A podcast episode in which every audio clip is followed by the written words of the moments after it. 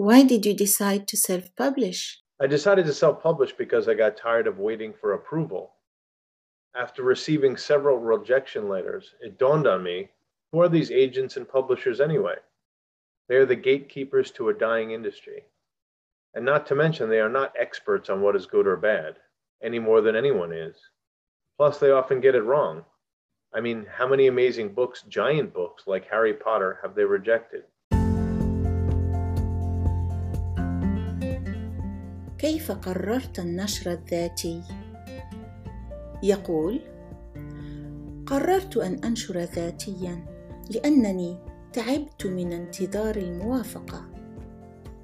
بعد تلقي عدة رسائل رفض اتضح لي من هم هؤلاء الوكلاء والناشرون؟ إنهم حراس بوابات صناعة محتضرة. ناهيك عن أنهم ليسوا خبراء فيما هو جيد أو سيء أكثر من أي شخص آخر بالإضافة إلى أنهم غالبا ما يخطئون.